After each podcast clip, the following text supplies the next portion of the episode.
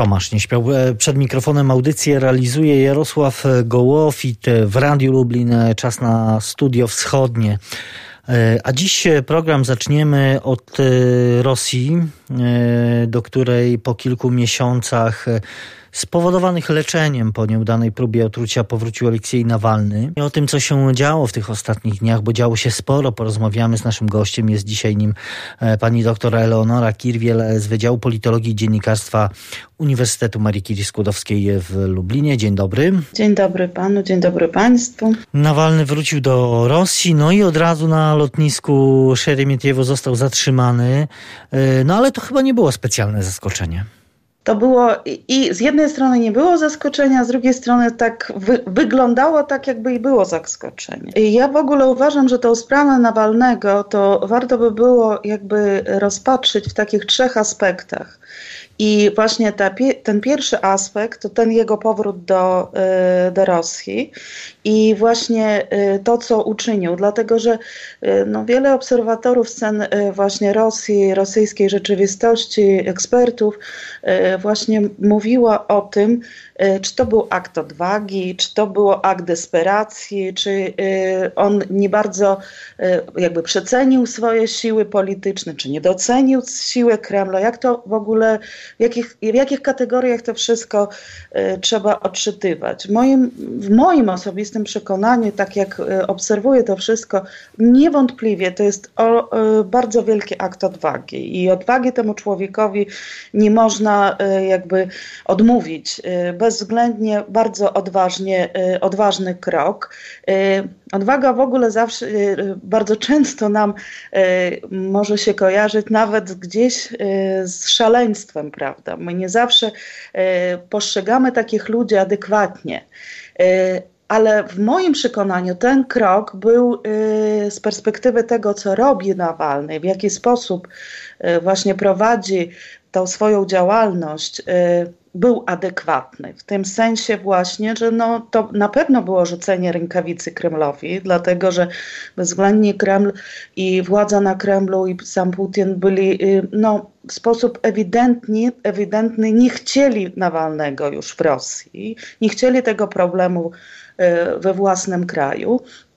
A on y, skutecznie mówił, że on po pierwsze y, no, nie wyjeżdżał, bo wywieźli go, bo taka była sytuacja, więc nie wraca, tylko po prostu jedzie do domu. Tak, tak i on Czyli... konsekwentnie mówi od, od już od mhm. lat, e, że jego miejsce jest w Rosji, wyjeżdżać Dokładnie. nie zamierzano. Pytanie też, czy e, po tym, co się e, mm, wydarzyło w mhm. sierpniu, czyli w momencie, kiedy został mm, de facto otruty, kiedy, kiedy trafił do, e, do Berlina i tam e, był leczony, mm, kiedy no, okazało się też, że, że właśnie ta, ta próba otrucia była za pomocą e, Nowiczoka, czyli tego środka, który jest no, takim podpisem, można powiedzieć, służb tak. specjalnych rosyjskich.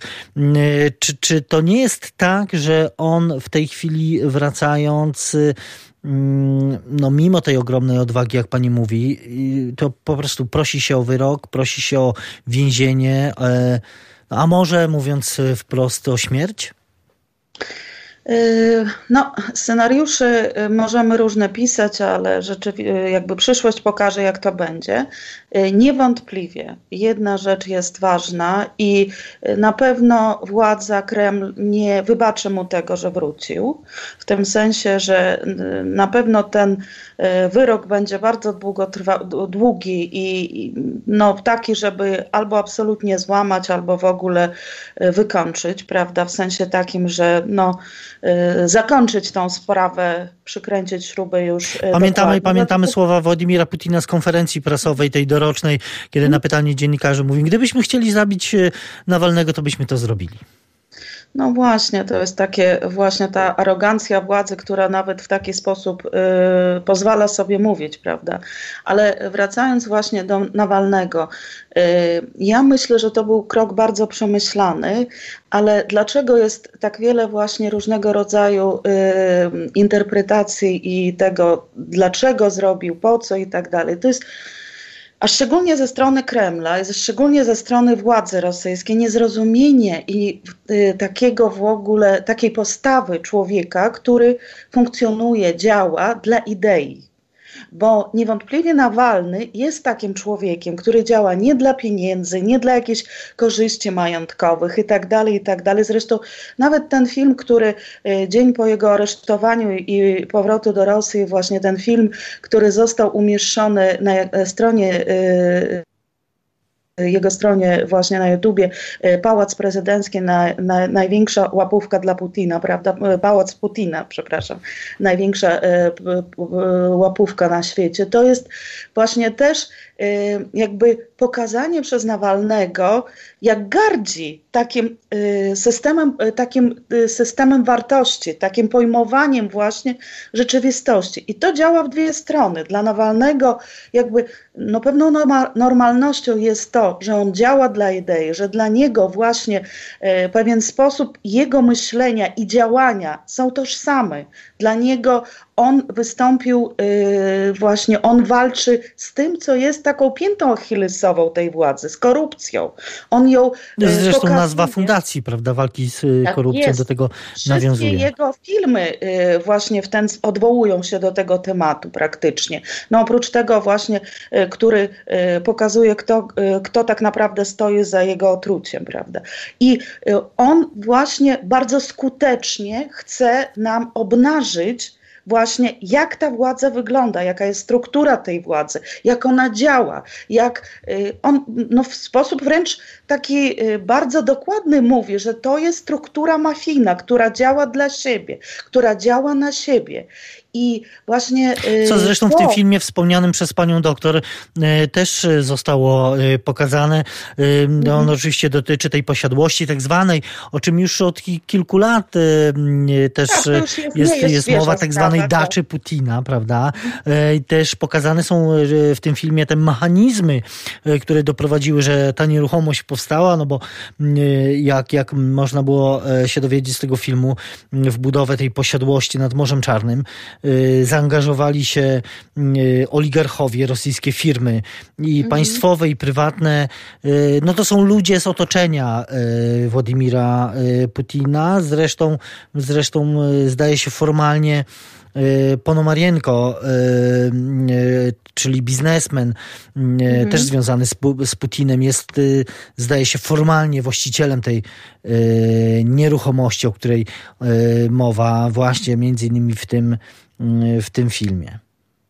Y, ten film bardzo dobrze pokazuje właśnie system władzy i obnaża właśnie ten system władzy. Pokazuje ludzi, którzy od 30 lat tworzą ten system władzy, którzy y, właśnie wyrastają jakby z y, tej no, radzieckiej jeszcze systemy aparatczyków radzieckich, prawda? I zresztą właśnie bardzo dobrze Nawalny pokazuje tutaj mentalność tych ludzi. I to, dlaczego mówiłam, nie rozumieją tego kroku y, Nawalnego i już nie pierwszy raz, i to nie pierwsza osoba, która działa właśnie w taki sposób i która zaskakuje w pewien sposób Kreml, że y, chce y, działać w taki sposób, bo na przykład nawet Chodorkowski, przecież jego powrót w 2003 roku też, to też był taki akt jego odwagi, kiedy wiedział też, że zostanie wsadzony, że zostanie ta sprawa w pewien sposób e, zakończona niepomyślnie do, dla niego, ale mówił o tym, że musi wrócić, nawet, bo jeżeli nie wróci, to po prostu tak jakby się przyznał do winy, to nawet nie podjął tej rękawicy, nawet nie zaczął się tłumaczyć.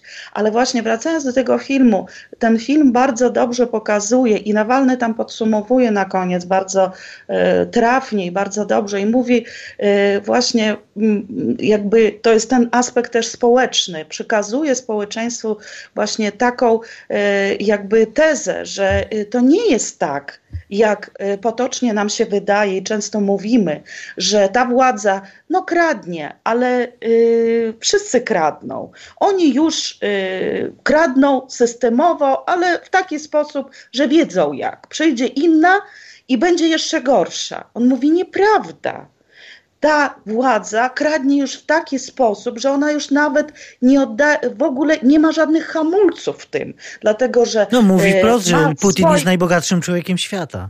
Ale tu nie tylko pokazany jest Putin, to jest pokazany cały system właśnie funkcjonujący, gdzie y, są ludzie, którzy mają żony, kochanki, dzieci, kochanki mają kochanków i każdy, on mówi, każdy z nich chce z tego czerpać. Każdy chce mieć dom, każdy chce mieć dom y, letniskowy, każdy chce mieć jacht, każdy chce mieć samochód dobry i żyć po prostu w tym dostatku dnia codziennego.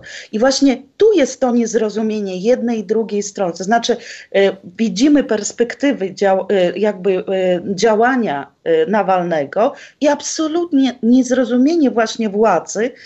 No władza mówi wprost, że to, perspektywy. Tak, że to wrzutka, że to szwindel, tego. że to nic nowego, bo przecież o sprawie już, już wcześniej mówiono. Oczywiście nazywa to wszystko pseudoinformacjami. To są tylko kilka cytatów Pieskowa. E, tu, tu możemy odwoła, odwołać się do takiego, to jest w ogóle taka taktyka Kremla, bagatelizowanie tego w, ogóle e, Nawalnego. No przecież nieprzypadkowo e, Putin nawet nie wymawia jego nazwiska, prawda? Mówi e, właśnie e, e, ten pacjent z Berlinu, prawda? Mówi właśnie w taki sposób, żeby go no, w jakiś sposób no, pokazać, że to jest ktoś absolutnie dla nas, kto nie liczy się, ale to nie jest prawda prawda. Dlatego, że Nawalny ma e, przekaz, który trafia do części społeczeństwa, dla której los państwa, los Rosji jest nieobojętny. Ja nie mówię o całości społeczeństwa, bo naprawdę Rosja jest bardzo dużym krajem i ten przekaz e, telewizji propagandowej, w ogóle propag działanie propagandy w Rosji, ono naprawdę i nie tylko propagandy, bo i szkolnictwo i, i wszystkiego innego ono stworzyło już tego człowieka, e, e, prawda, jak kiedyś mówiliśmy sowieckiego, to teraz putinowskiego, prawda, reżimu, który y, właśnie w taki sposób widzi świat, że no i co z tego? No, jak on jest carem, no to przecież może mieć i pałac, może mieć i nie jeden pałac. I jakby y, no daje też takie, widzi takie przyzwolenie też, no przecież y, jeżeli rządzą krajem, ten nasz kraj liczy się na świecie, w regionie, no to znaczy, że dobrze wszystko funkcjonuje tak dalej, tak dalej. Ale dla sporej części społeczeństwa, właśnie tej, dla której nieobojętny jest los Rosji, to jest to przekaz bardzo e, e, no, trafiający właśnie zapotrzebowanie, to jest pierwsza rzecz, a po drugie bardzo e, taki też szokujący. Oczywiście, że nie dla wszystkich. I władza sobie może bagatelizować to w przekazie i mówić, że Nawalny to jest no, jakiś tam bloger, prawda? Ale y, on bardzo mocno y, uderza jednak w Kreml. On bardzo, bardzo przeszkadza Kremlowi. I y, on właśnie jakby. To jest człowiek, który też trzeba pamiętać. On no, stworzył cały system całą sieć właśnie w całej Rosji ludzi, którzy są mu oddani w pewien sposób. On też jest bardzo dobrym liderem, trzeba powiedzieć, w, tym sensie, że on y, mocno działa na siebie i przez siebie przede wszystkim, bo przecież on stworzył, niech pan zobaczy, panie redaktorze, on już stworzył pewną markę, Nowalny, prawda?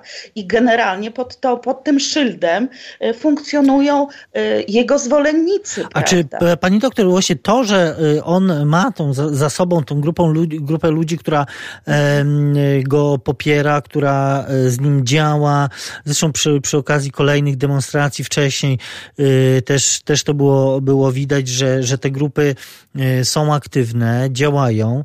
E, czy mhm. z jednej strony bagatelizowanie przez Putina, przez Kreml tej jego działalności to jest, no, a z drugiej strony choćby ta próba zamachu i te ostre reakcje, mhm. to jest dowód na to, że Władimir Putin postrzega Nawalnego jako konkurenta. No też, też pytanie, bo pojawiają się głosy, no, że e, Putin zrobi wszystko, żeby Nawalny w kolejnych wyborach prezydenckich e, udziału nie mógł wziąć. Yy, ja myślę, że tu nie chodzi o postrzeganie go jako takiego e, faktycznego konkurenta, bo mi się wydaje, że ludzie, którzy właśnie funkcjonują w takim, e, w takim myśleniu i w takim systemie jak Putin, jak Łukaszenka, oni już e, nie potrafią wyobrazić sobie konkurencji nawet, prawda? Ale widzi w tym zagrożenie. Zagrożenie do, dla funkcjonowania własnego układu, który go chroni, prawda, i który chroni właśnie jakby sam siebie też. I dlatego widząc y, y, całą tą pracę, całą tą rzeszę ludzi, którzy podejmuje, bo proszę zauważyć, tu jest bardzo istotne też, w jaki sposób Nawalny działa. Nawalny przecież tworzy właśnie y, różnego rodzaju filmy swoim działaniem, bardzo aktywnym, swoją postawą, pokazuje społeczeństwu, co najmniej części społeczeństwa, że y, ta władza nie działa w waszym imieniu. Ta władza jest przeciwko wam. Ona was wykorzystuje.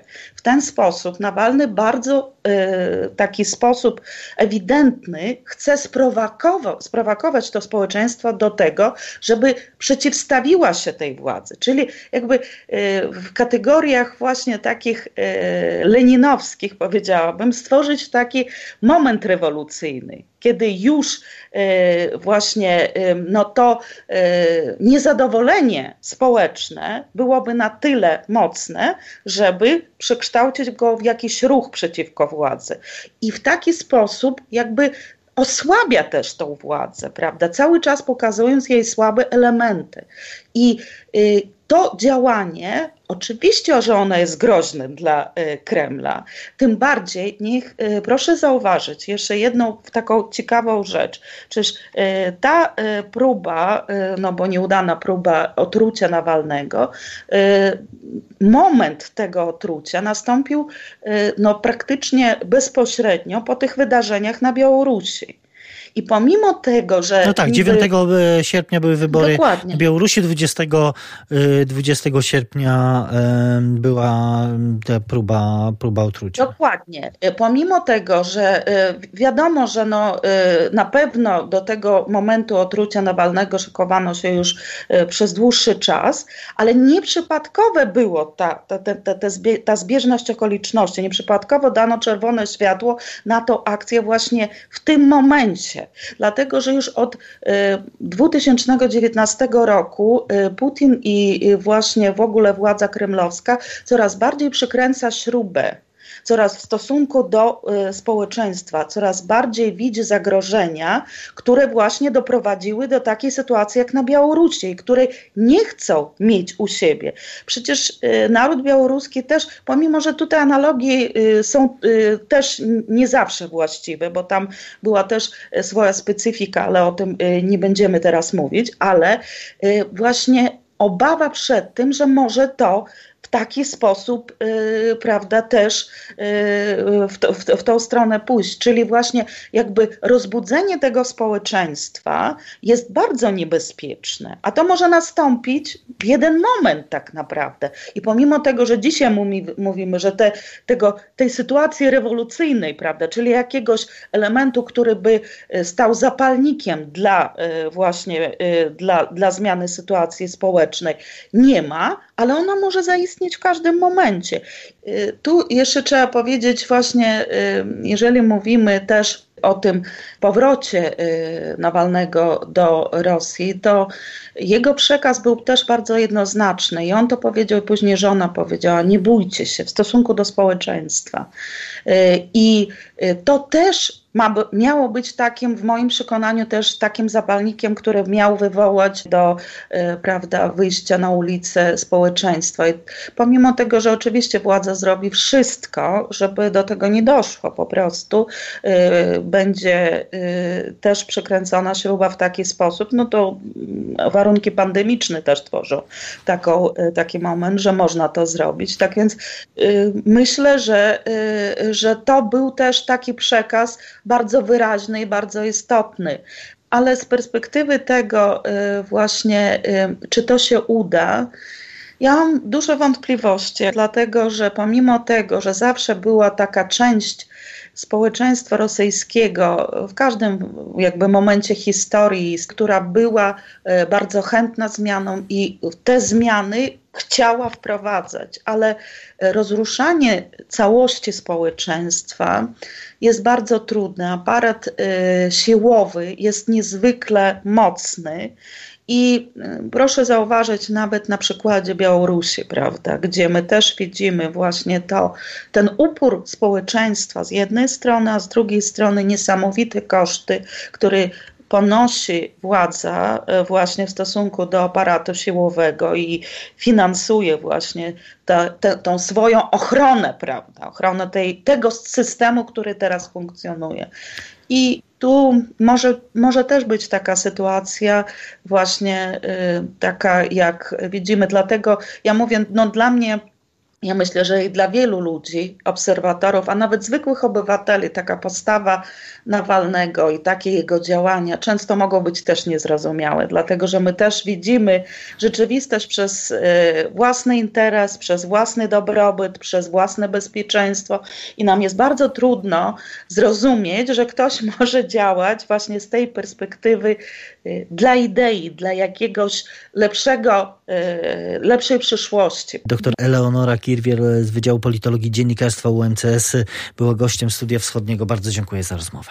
Dziękuję bardzo. W studiu wschodnim kolejny gość, dr Aleksandra Kuczyńska-Zonik, kierownik zespołu Bałtyckiego Instytutu Europy Środkowej w Lublinie, a także Katedra Systemów Politycznych i Komunikowania Międzynarodowego Katolickiego Uniwersytetu Lubelskiego. Dzień dobry. Dzień dobry. Teraz y, chciałbym porozmawiać o y, drugim temacie. Myślę, że też istotnym z punktu widzenia także Europy Środkowej, Europy Wschodniej, y, bo dzieje się sporo. Chciałbym porozmawiać mianowicie o okolicznościach niedawnej dymisji premiera Estonii. Juri Ratas podał się 13 e, stycznia do dymisji. Oczywiście było to podyktowane wydarzeniami mm, związanymi z ujawnieniem afery korupcyjnej. E, I zacznijmy od wyjaśnienia, bo myślę, że też w, w mediach niewiele tak naprawdę na ten temat się mówi. Na czym polegała ta e, afera w kręgach bo ona bardziej dotyczyła, jak rozumiem, kręgów e, premiera. E, no i jakie wywołała te reakcje e, w Estonii? Rzeczywiście my bardzo rzadko mówimy o Estonii, najczęściej w kontekście internetu, wyborów online, cyfryzacji. Estonię również kojarzymy z państwem rozwiniętym i generalnie stabilnym, dlatego zdziwiła rzeczywiście chyba wszystkich ekspertów sytuacja dymisji, dymisji rządu Ratasa.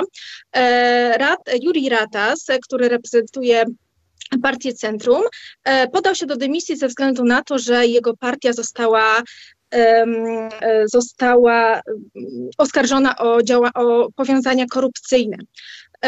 A dokładnie prokuratura podała, że partia miała otrzymać 1 milion euro za to, że wpłynęła na pozytywną decyzję e, firmy deweloperskiej. Firma ta miała otrzymać e, pożyczkę na preferencyjnych e, warunkach.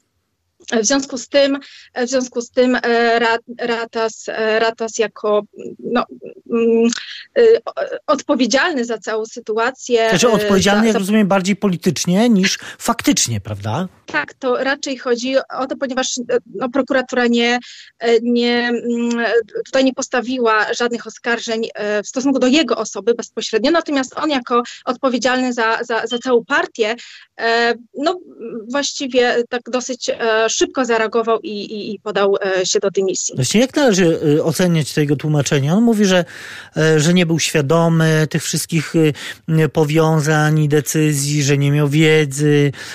Oczywiście podał się do dymisji, żeby sprawa została rzetelnie wyjaśniona. Jak to jest odbierane, ten gest i te, te wyjaśnienia no, byłego już premiera w, w Estonii? W pierwszym momencie wydawałoby się, że to jest bardzo dobra decyzja, właśnie taka odpowiedzialna, właściwie zarówno w Estonii, e, jak i e, w środowisku międzynarodowym bardzo pozytywnie została odebrana jako decyzja właśnie jakby na, na zasadzie takiej właśnie szybkiej, szybkiej, odpowiedzialnej decyzji. Natomiast w tym momencie już po, po kilku dniach, po tygodniu możemy się zastanawiać, czy rzeczywiście było to podyktowane właśnie taką odpowiedzialnością, czy raczej taką kalkulacją i próbą mimo wszystko wybrnięcia wybrnięcia z tej e, sytuacji i e, nawet uzyskania e, jakichś korzystnych, korzyści z całej tej sytuacji, bo gdy popatrzymy rzeczywiście w tym momencie na toczącą się rozmowę, negocjacje koalicyjne, to widzimy właśnie, że Partia Centrum jest w dalszym ciągu na fali. To, on, to jej partia reform e, zaproponowała rozmowę, utworzenie wspólnego rządu, więc wydaje się, że e, jednak e, partia centrum no, osiągnęła sukces jakiś, czyli generalnie wyszła z podniesioną głową. No właśnie, bo to, jeśli popatrzymy na te nastroje, no bo w gruncie rzeczy niedawno były wybory, 2019 rok yy, i to poparcie, które dało, dało, yy, dało zwycięstwo, yy, też no, cały czas na podobnym poziomie jest utrzymane. To, to nie są, zdaje się, jakieś dramatyczne spadki, jeśli chodzi o poparcie dla partii byłego premiera. Tak, y, tutaj rzeczywiście należy dodatkowo e, wskazać, e, że politycy partii Centrum e, są uznawani za jednych z najbardziej budzących zaufanie. Ostatnie, ostatnie sondaże e, e, poparcia dla poszczególnych e, polityków w Estonii właśnie wskazują, że na przykład minister spraw społecznych właśnie z partii Centrum jest politykiem, który cieszy, cieszy się największym zaufaniem, a dopiero na przykład na trzecim miejscu znalazł się prezydent Estonii. W związku z tym rzeczywiście należy to postrzegać przez jakby to, to zaufanie w stosunku do, do Y, konkretnych polityków również należy postrzegać y, przez pryzmat zaufania do całej partii. Jak należy ocenić, y, zanim oczywiście przejdziemy do, do kolejnych konsekwencji tego, tej dymisji, jaki jest bilans rządów premiera Ratasa? E, wydaje się, że no, Właśnie, od 2019 roku nie minęło jeszcze dużo czasu, natomiast rzeczywiście w ostatnim czasie rządy zdominował temat pandemii, więc e, wydaje się, że e, cały rząd będzie oceniany przez pryzmat e, pandemii i konsekwencji zdrowotnych i gospodarczych. A po drugie, współpraca z Estońską Konserwatywną Partią Ludową, EKRE, czyli partią populistyczną, która, która też rzucała się cieniem na całą e, koalicję. Jeśli chodzi o ten punkt pierwszy, czyli pandemię, e, to tutaj trudno mimo wszystko ocenić, e, ocenić czy to były dobre decyzje, czy złe, ponieważ no, właściwie cały świat znajduje się w kryzysie, więc trudno y, postrzegać, że pewne działania były lepsze niż gorsze, ponieważ każde z państw e, dotknęły różne negatywne konsekwencje, również i Estonię. E, spośród państw bałtyckich, mimo wszystko Estonia e, była tym państwem, które radziło sobie najlepiej, mimo że właśnie tam pierwsze przypadki e, osób, osób z COVID-em tam właśnie zostały wykryte. Niemniej jednak, nawet obserwując, obserwując przewidywania gospodarcze, to Estonia również całkiem nieźle wypada na tle e, państw bałtyckich. Jeśli chodzi, e, jeśli chodzi właśnie o współpracę z EKRE, to wydaje się, że również e, przez pryzmat tej partii, partia Centrum była oceniana, to znaczy e, właśnie te e, kontrowersyjne wypowiedzi polityków EKRE były, były negatywnie, wpływały negatywnie też na całą, całą koalicję, również na partię Centrum. No, powiedzmy właśnie o, o, o tej interesującej partii, bo, bo mówi Pani o, o populizmie, ale to są też bardzo kontrowersyjne, mocne treści takie narodowe, by nie powiedzieć nacjonalistyczne, antyimigranckie, antyunijne bardzo często. No, takie bardzo radykalne, ale z drugiej strony cieszące się w Estonii, można powiedzieć, stałym, kilkunastoprocentowym poparciem i to się zdaje nie bardzo zmienia, bo, bo, bo w ostatnich wyborach to było 17%. Ostatnie sondaże, o czym także można przeczytać w komentarzu pani autorstwa, komentarzu Instytutu y, Europy Środkowej. Y, te ostatnie sondaże oscylują wokół 15%. Skąd takie y, poparcie dla, dla no, partii wydawałoby się mało takiej wizytówkowej, jeśli chodzi o Europę? No właśnie to jest e, swego rodzaju paradoks, e, czyli z jednej strony właśnie to utrzymujące się stabilne poparcie dla partii e, świadczy o tym, że mimo tych różnych kontrowersyjnych wypowiedzi cały czas część społeczeństwa popiera tą partię.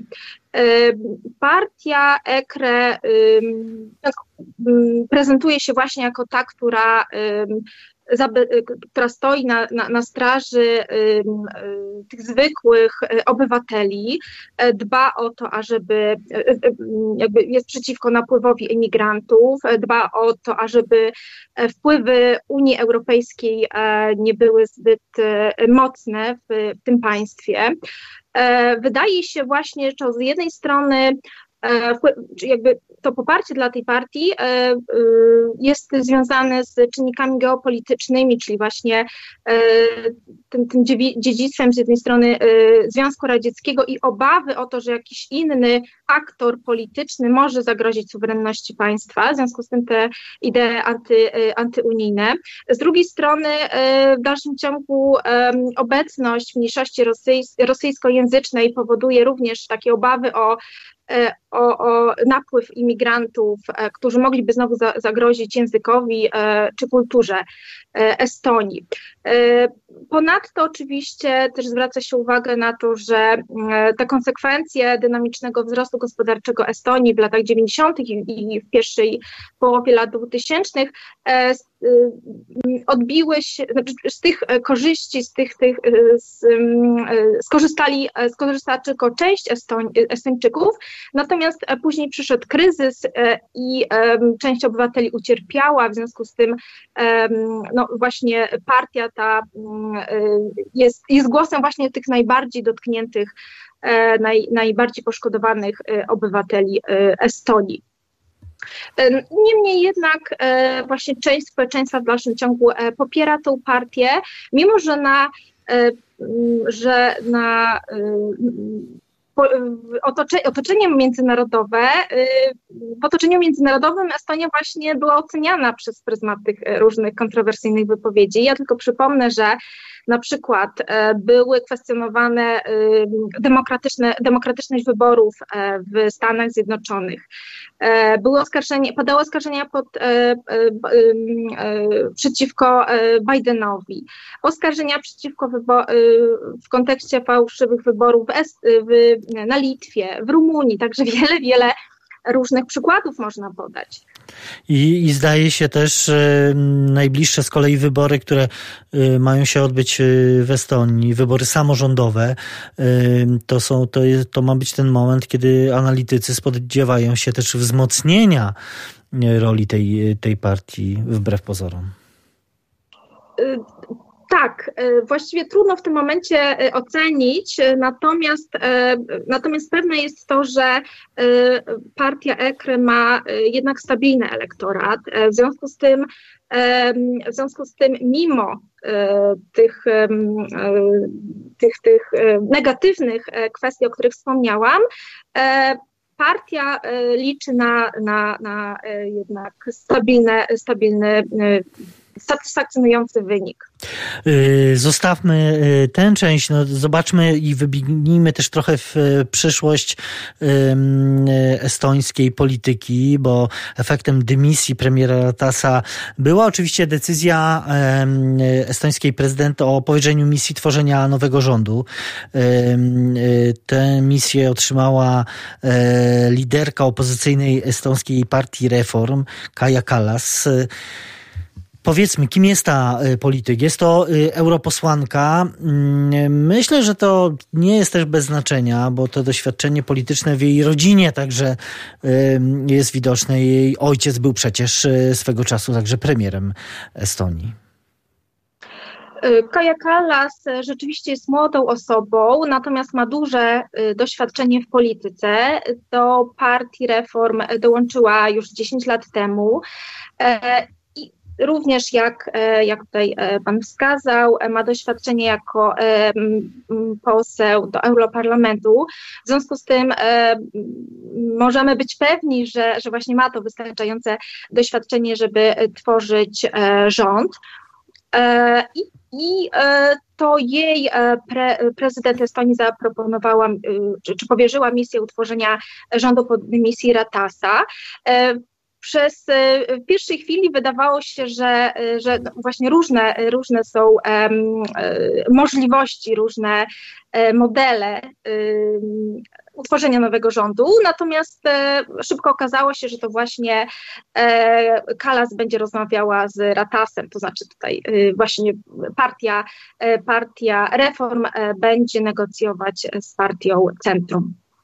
Y, jaki to może być y, rząd, czego należy się spodziewać? No, pytanie o to, czy w jakiś sposób e, ten główny polityczny nurt i kierunek e, w polityce estońskiej e, się zmieni w związku ze zmianą premiera, czy jednak w związku z tym, że jest jednak konieczność odwołania się do no, tych sił, które do tej pory rządziły. No też powiedzmy, premier Ratas przez dwie kadencje, znaczy jedną nie, nie niepełną do tego momentu, od 19 roku e, kierował e, rządem estońskim, no ale, ale właśnie jak, jakich tu zmian, czy należy się spodziewać, jeśli chodzi o kierunki polityki estońskiej?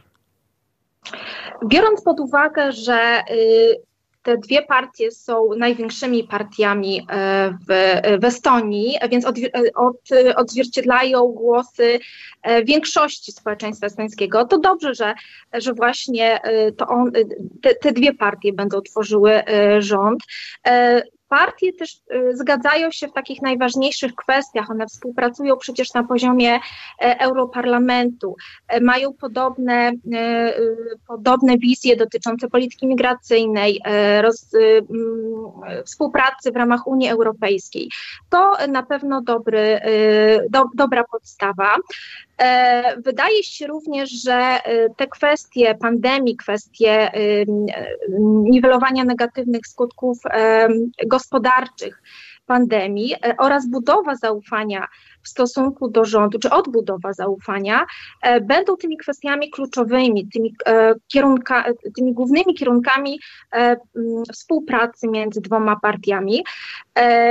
Wydaje się więc, że właśnie te główne, e, główne kierunki, tak jak wspomniałam, współpraca e, z Unią Europejską, stanowisko wobec migracji e, będzie będzie jednoczyło. Natomiast możemy znaleźć kilka kwestii, które na pewno zmienią się, jeśli chodzi o ten nowy rząd, a, a rząd dotychczasowy Ratasa. Po pierwsze, jest to kwestia transformacji energetycznej.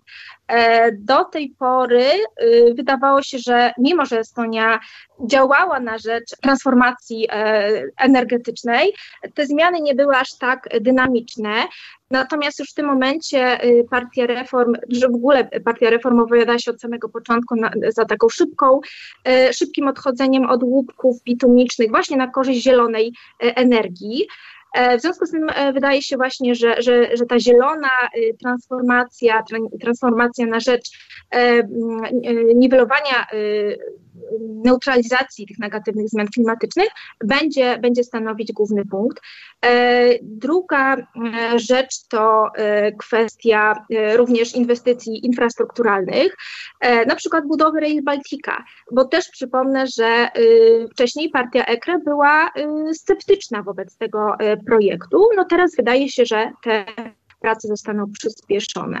I e, Trzecia kwestia, o której e, też może wspomnę, to jest również referendum e, w kwestii małżeństwa, ponieważ w ostatnich tygodniach czy miesiącach też było, jakby ta, ta, ta sprawa dominowała, to znaczy partia EKRE zaproponowała przeprowadzenie na wiosnę, na wiosnę tego roku referendum w sprawie definicji małżeństwa, definicji sensie y, pytania społeczeństwa, czy są za to tym tradycyjnym modelem rodziny. E, natomiast partia y, reform opowiada się za, y, za, za, za, bardziej powiedzmy liberalnym podejściem, również włącza związki partnerskie czyli jakby te kwestie wartości, czy, czy tradycyjnego modelu e, rodziny też, e, też e, wydaje się, że, że tutaj nastąpi duża zmiana. Y, to jeszcze tylko dopytam o, o przyszłość tą na szczeblu rządowym EKRE. Y, no bo właśnie ona była w dotychczasowym, dotychczasowej koalicji, zdaje się, dysponowała pięcioma ministerstwami. Y, czy jej rola tutaj rozumiem, że radykalnie się zmieni? Tak, właściwie o 180 stopni i, i mm, już nawet właśnie koalicjanci, dotychczasowi koalicjanci, czyli właśnie partia e, Centrum czy e, partia Ojczyzna, wielokrotnie wskazywali, że są zmęczeni, czyli jakby mm, członkowie tych partii wskazywali, że są zmęczeni współpracą z EKRE, ponieważ ona de facto przynosi mm, jakby stwarza taki negatywny wizerunek całej koalicji, również e, na, na, na poziomie europejskim e, czy światowym. W związku z tym wydaje się, że właśnie EKRE to jest e, ta partia, która najbardziej straciła w całym tym zamieszaniu korupcyjnym. Doktora Aleksandra Kuczyńska-Zonik, Zespół Bałtycki Instytutu Europy Środkowej i Katedra Systemów Politycznych i Komunikowania Międzynarodowego KUL była gościem Studia Wschodniego. Bardzo dziękuję za rozmowę. Dziękuję bardzo. I to wszystko w naszym e, programie na dzisiaj. Za uwagę dziękuję Tomasz Nieśpiał i Jarosław e, Gołofit. E, Studio Wschodnie wraca na antenę Radia Lublin za tydzień. Do usłyszenia w następną niedzielę po godzinie 14.